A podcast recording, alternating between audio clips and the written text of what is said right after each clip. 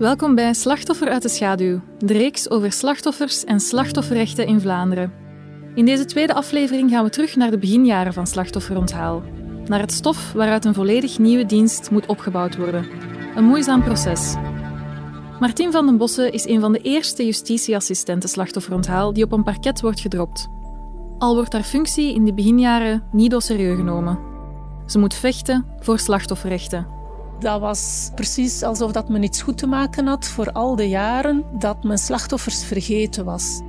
We luisteren ook naar Tony Heren, onderzoeksrechter in de jaren 90. Hij onderzoekt namens het parket ernstige misdrijven en herinnert zich de komst van de dienst slachtofferontaal nog levendig. Het was allemaal niet zo vanzelfsprekend om met elkaar zomaar binnen te lopen. We praten ook verder met Johan Steijaert, en komen te weten welke impact Martin heeft gehad op zijn verwerkingsproces en zijn verdere contact met justitie.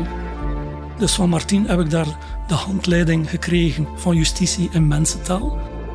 Ik ben Kate Luisterborg, reporter van dienst van het agentschap Justitie en Handhaving. En dit is Slachtoffer uit de Schaduw.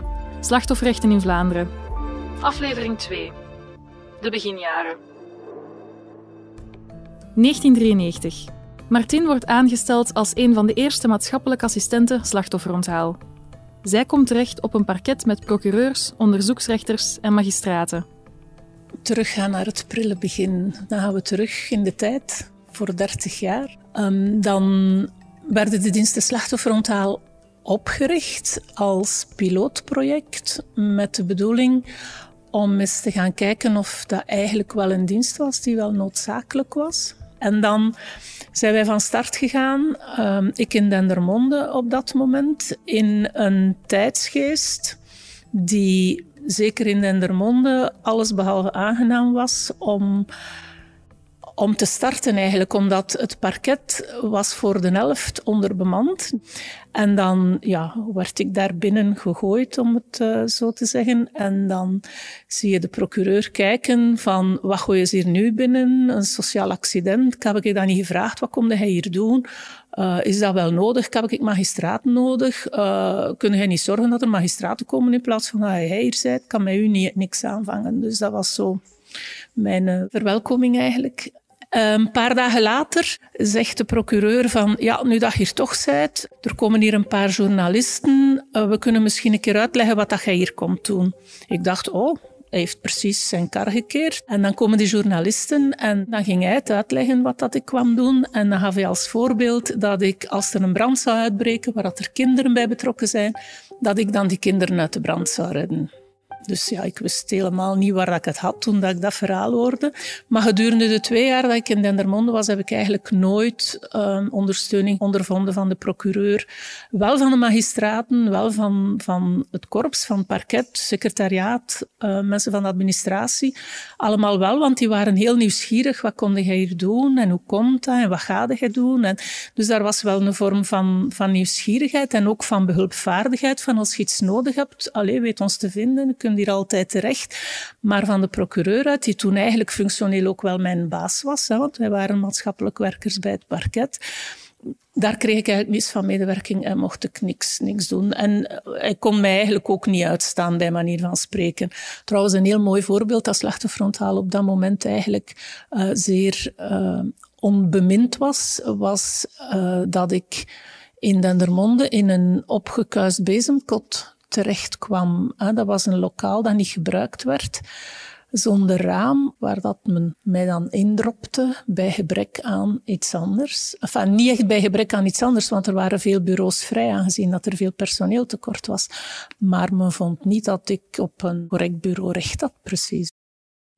In die bijzondere omstandigheden moet Martin dus de nieuwe dienst slachtofferontaal in Dendermonde uitbouwen.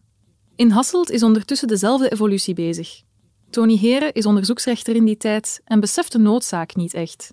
Als jonge onderzoeksrechter, uh, gestart in 1994, uh, was ik me daar ook helemaal niet bewust van, van het feit dat er geen aandacht was voor de slachtoffers. Dat was bijna een vanzelfsprekendheid. Um, dat zat ook niet echt in onze opleiding uh, bij de rechten.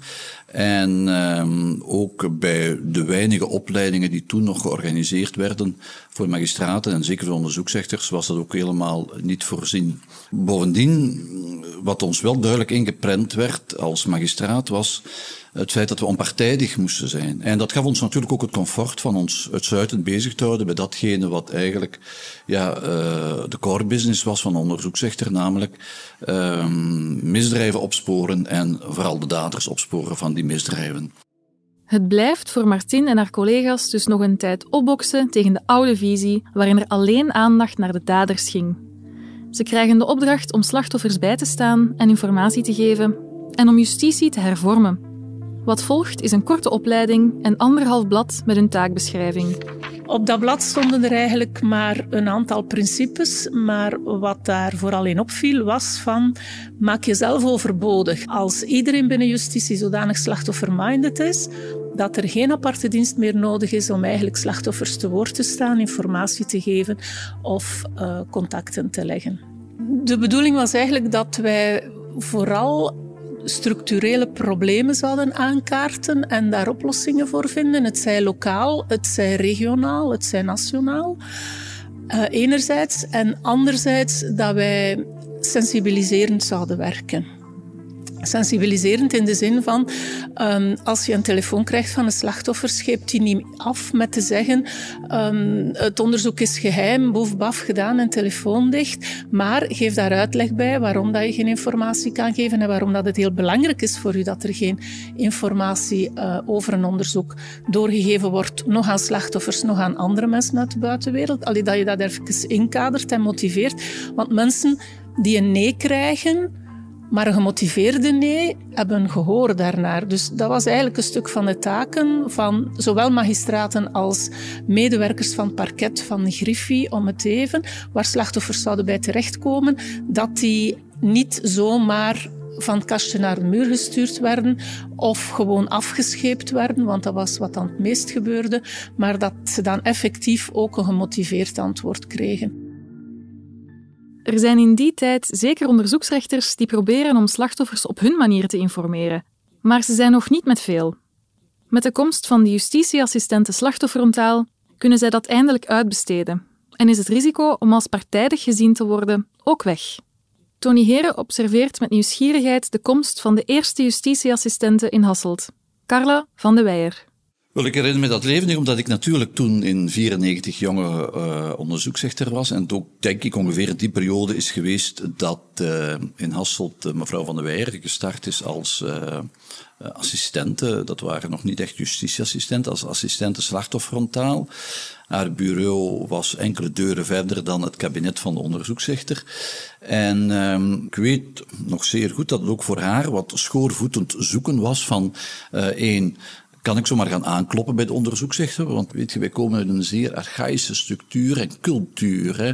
Het was allemaal niet zo vanzelfsprekend om met elkaar zomaar binnen te lopen.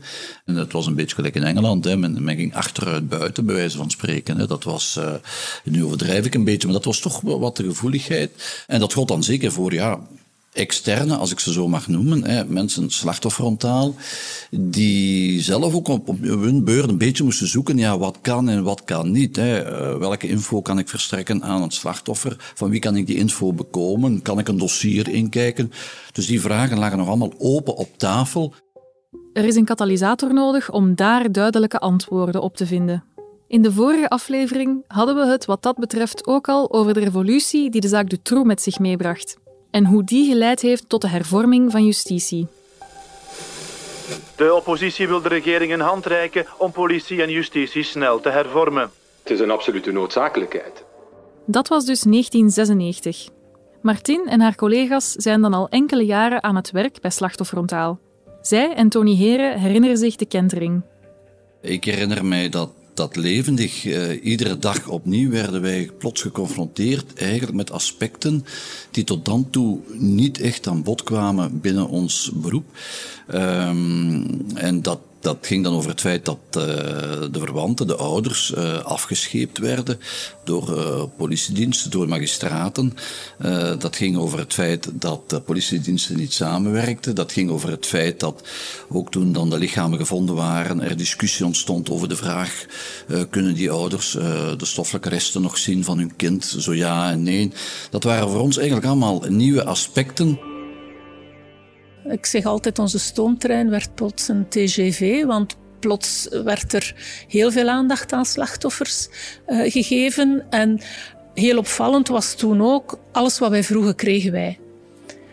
En dat was heel duidelijk, precies alsof dat men iets goed te maken had voor al de jaren dat men slachtoffers vergeten was. Ah, je had ook in geen enkel wetboek werd er gesproken over een slachtoffer, een benadeelde. Dat was ja, een burgerlijke partij, de juridische term dan wel. Maar het slachtofferschap op zich, dat, dat was eigenlijk iets waar, waar je nergens iets over terugvond. En dan in navolging van Dutroux is men echt begonnen met een charter rond rechten van slachtoffers. Is men ook in de wetgeving, wat men dan de Franchimont-wetgeving noemde, aandacht gaan besteden aan, aan juridische rechten van slachtoffers. En kwam ook het woord slachtoffer plots voor.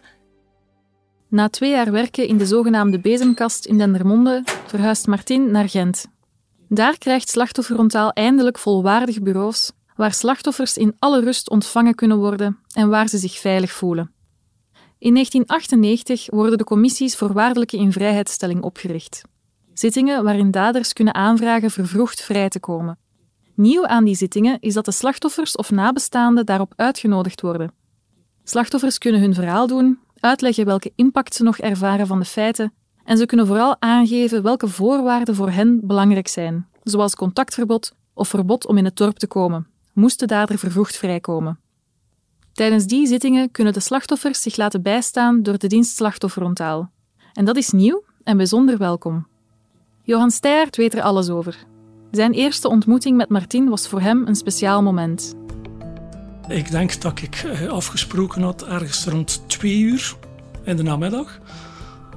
Onze eerste ontmoeting, en weet ik ook nog, de manier dat we dat buiten gaan zijn, het justitiepaleis, dat moet ergens na de klok van één uur s'nachts geweest zijn. Dus van Martin heb ik daar de handleiding gekregen van justitie in mensentaal. En vanaf dan was al ja, justitie uh, Hans anders. Was justitie van de 21ste eeuw. dat wij hadden procureurs, magistraten, onderzoeksrechters. Dat was, met alle respect, dat was ivoren toren hè, voor ons. Dus nu niet meer. Oké, ik kan nu de telefoon nemen en kan alles ventileren naar Martien op. En bedoel, oké, dat is al een halve rugzak dat je kunt afgeven. Al ja, sorry dat ik Martien ermee opzadelde, maar oké, ja, ze had het zelf gevraagd. Martin maakt de Ivoren Toren verstaanbaar en toegankelijk. Bij dat eerste gesprek leren ze elkaar kennen en kan Martin inzicht krijgen in zijn dossier.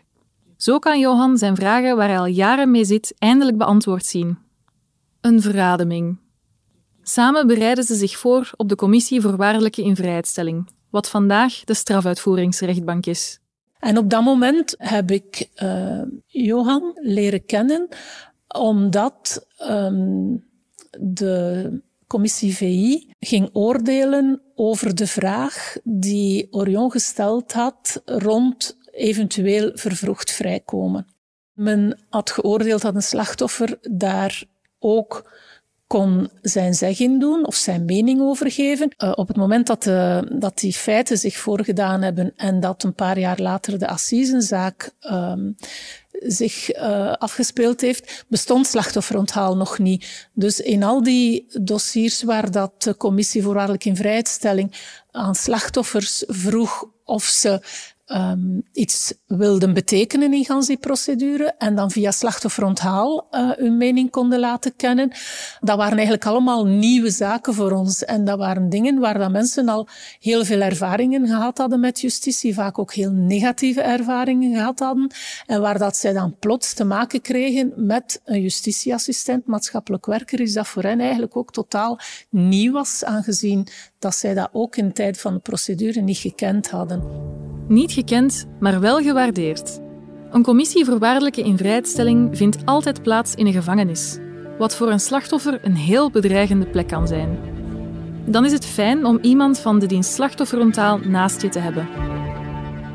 De eerste strafuitvoeringsrechtbank dat ik uh, meemaakte was uh, in Leuven Centraal. Wow.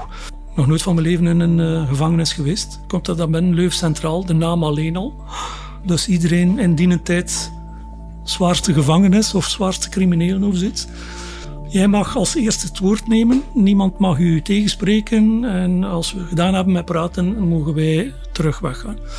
En dan zei ik ook, ja, weet ik niet. Hè. Ik oftewel, ga ik uh, dichtklappen? Ga ik niets kunnen zijn? Oftewel, gaan ze met mij geen vijf cipiers kunnen tegenhouden en vliegen er over die tafels. Wat dan niet mijn ik is. Bedoel, maar oké, dat weten niet. Martina had mij ook gezegd, Johan, van het moment dat je dat buiten komt en je bent terug thuis of waar uh, ook ergens, bel ons op en zeg mij hoe het gegaan is. En zegt eventueel ook, wat is er niet goed, wat is er wel goed. Dus je komt Ginter, je moet je voorstellen, je zit in het gevangenis. Dus eigenlijk om daar binnen te komen, deuren die toeslaan, fouilleren, wat weten allemaal. Dat geroezen moest dat je hoort vanuit die uh, cellen, wat weten allemaal. Ay, dat zijn geluiden dat je nooit hoort. En een slachtoffer dat naar een zitting wil gaan van de strafuitvoeringsrechtbank, die moet naar de gevangenis gaan. Dus die moet ook al zijn spullen achterlaten, door een metaaldetector gaan, mag geen portefeuille, geen gsm, geen persoonlijk gerief meenemen. Je komt daar toch in, in een systeem terecht waar dat je niet om gevraagd hebt. En als je je stem wilt laten horen, niet anders kunt dan er naartoe gaan. Ik heb ooit een situatie meegemaakt van een vrouw die naar de zitting ging, naar uh, de zitting van een van de drie mannen die verantwoordelijk was voor de moord op haar echtgenoot. Die mevrouw had een gouden ring aan, haar trouwring, by the way. En ze moest die afdoen, want de metaaldetector gaf telkens foutmelding, gaf telkens alarm. En zij kreeg die ring niet meer af. En ze zei dat ook, die is in mijn vel gegroeid, die gaat er gewoon niet meer af. En dan zeiden ze haar, dan blijfde jij buiten. Ze heeft hij er uiteindelijk, omdat ze zo vastberaden was van naar die zitting te willen gaan, heeft ze die ring daar afgesnokt, haar vinger helemaal het vel af. Gewoon omdat zij in die gevangenis, in, op die zitting wou aanwezig zijn. En dat men vanuit de gevangenis geen enkel begrip toonde. Zelfs de toenmalige directeur zei, dan komt ze er niet in. Voor die vrouw is het van cruciaal belang om daar aanwezig te zijn en gehoord te worden. En dat is het tot op vandaag ook nog steeds voor Johan.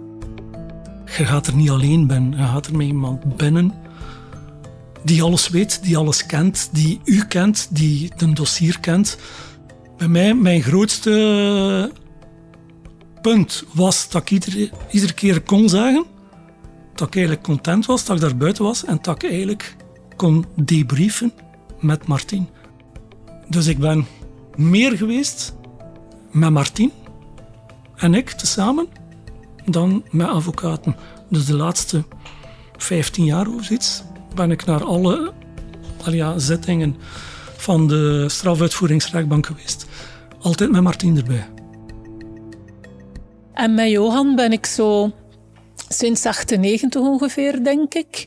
Ja, gedurende 25 jaar bijna. Uh, eerst naar de commissies VI, daarna naar de, de, de zitting van de strafuitvoeringsrechtbank gegaan om hem te ondersteunen. Tot op vandaag uh, gaat Johan nog altijd naar de zitting en heel vaak vertelt hij daar gewoon altijd hetzelfde. En de rechter heeft ook al een paar keer gezegd van, als dat moeilijk zou zijn voor u om telkens weer opnieuw terug te komen. We kennen uw verhaal. Um, je bent welkom, je mocht het altijd komen vertellen, maar wij zijn ons heel goed bewust van uw houding, uw mening en, en van wat dat allemaal voor u betekend heeft. Um, en telkens weer zegt hij, ik ga toch terug. En voor hem is dat een moment waar een paar slapeloze nachten aan vooraf gaan, waar hij telkens weer opnieuw een nieuw blad neemt en telkens weer opschrijft wat dat hij allemaal wil zeggen. En dan gooit hij dat blad na de zitting weg. En dan de volgende zitting, er begint hij weer opnieuw en schrijft hij weer al die dingen op. Maar hij blijft het altijd weer doen, omdat dat voor hem iets is waarvan dat hij zegt, dat is het laatste dat ik kan doen voor mijn familie die er niet meer is. Dan zei van, Johan, zet dat van u af. En ik zei, ik, zei, ik ga dat van mij afzetten de dag dat het tweede individu er niet meer is, dan ga ik kunnen zeggen, gasten, stop gedaan. Tot op de dag dat Horion sterft, zal Johan naar de zitting blijven gaan, met de steun van een justitieassistente, een collega van Martin sinds Martin met pensioen is. Voor slachtoffers zijn de justitieassistenten een onmisbare steun. En de rechters die we gesproken hebben, volgen ondertussen. Voor hen hebben ze ook de ogen geopend. Tony Heren vat samen wat slachtofferontaal hem allemaal heeft bijgebracht. Door de komst van de assistenten slachtofferontaal gaf ons natuurlijk toch wel uh, ja, het gevoel dat, dat er ook echt wat bewoog naar de slachtoffers toe. Wij zagen ook wat er gebeurde, uh, ook op de cruciale momenten van een onderzoek. In geval van uh, ja, de begroeting, uh, in geval van kennisgeving van een lijkschouwing, in geval van aanwezigheid in de marge van een reconstructie, bij de behandeling zelf van de zaken. Ik bedoel, dat waren allemaal dingen die in het verleden niet opgevuld werden. Ook de feedback die we natuurlijk konden krijgen van de mensen van slachtofferfrontaal, hoe het eigenlijk uiteindelijk gesteld was met de slachtoffer zelf. Want ook dat is toch wel een belangrijk aspect dat wij in het verleden onderschat hebben. Hè? Namelijk, wat betekent eigenlijk een trauma? dat stimuleerde toch wel echt onze empathie om om te gaan met dat soort problemen. Ja. De pioniers, Martin en haar collega's, hebben heel veel verwezenlijkt om het pad te effenen voor iedereen die na hen komt. Iets waar ze terecht trots op mogen zijn. Heel snel dreigt men opnieuw in de routine te hervallen van of het eigenlijk een beetje zelfsprekend te vinden. Hetzelfde wat betreft natuurlijk die slachtofferontaal. Men kan er nooit van uitgaan, nu zijn we er en toch ontstaat eigenlijk een beetje dat gevoel hè, van uh, goed, we zijn er en, en het slachtofferfrontaal trekt zijn plan. Ik moet daar eigenlijk verder niet in tussenkomen. Dus dat, dat merk ik wel. We zijn er nog niet. We hebben dan ook nog twee afleveringen. In aflevering 3 luisteren we naar slachtoffers en hun meer recente aanrakingen met justitie. Zo is er het verhaal van Vera. Als slachtoffer kom je met heel veel mensen in contact en het is belangrijk dat die contacten warm zijn, in haar geval was dat niet altijd zo. Ik zat daar, ja. Ik voelde mij heel alleen. We hebben het over de noden van slachtoffers en hoe de dienst Slachtofferentaal hen hierin begeleidt. We zoomen ook in op het belang van contact tussen slachtoffers en daders. Je ziet regelmatig tekenen dat mensen iets duidelijk willen maken aan elkaar. En om ook nog maar te denken dat hij een ene dag minder straf zou krijgen. Omdat je dan zo'n gesprek wilt, dat is gewoon vreselijk. Deze podcast is een productie van het Agentschap Justitie en Handhaving en Stemmen van Assise. Met dank aan mijn collega's Luc Gadisseur, Michael Escroaert, Zeger van Garsen en Lisbeth Wiseur. Ik ben je host, Kate Luisterborg. Eindredactie door Nieuwsblad en House of Media. Je kan ons steeds bereiken via communicatie.ajh.vlaanderen.be. Bedankt voor het luisteren.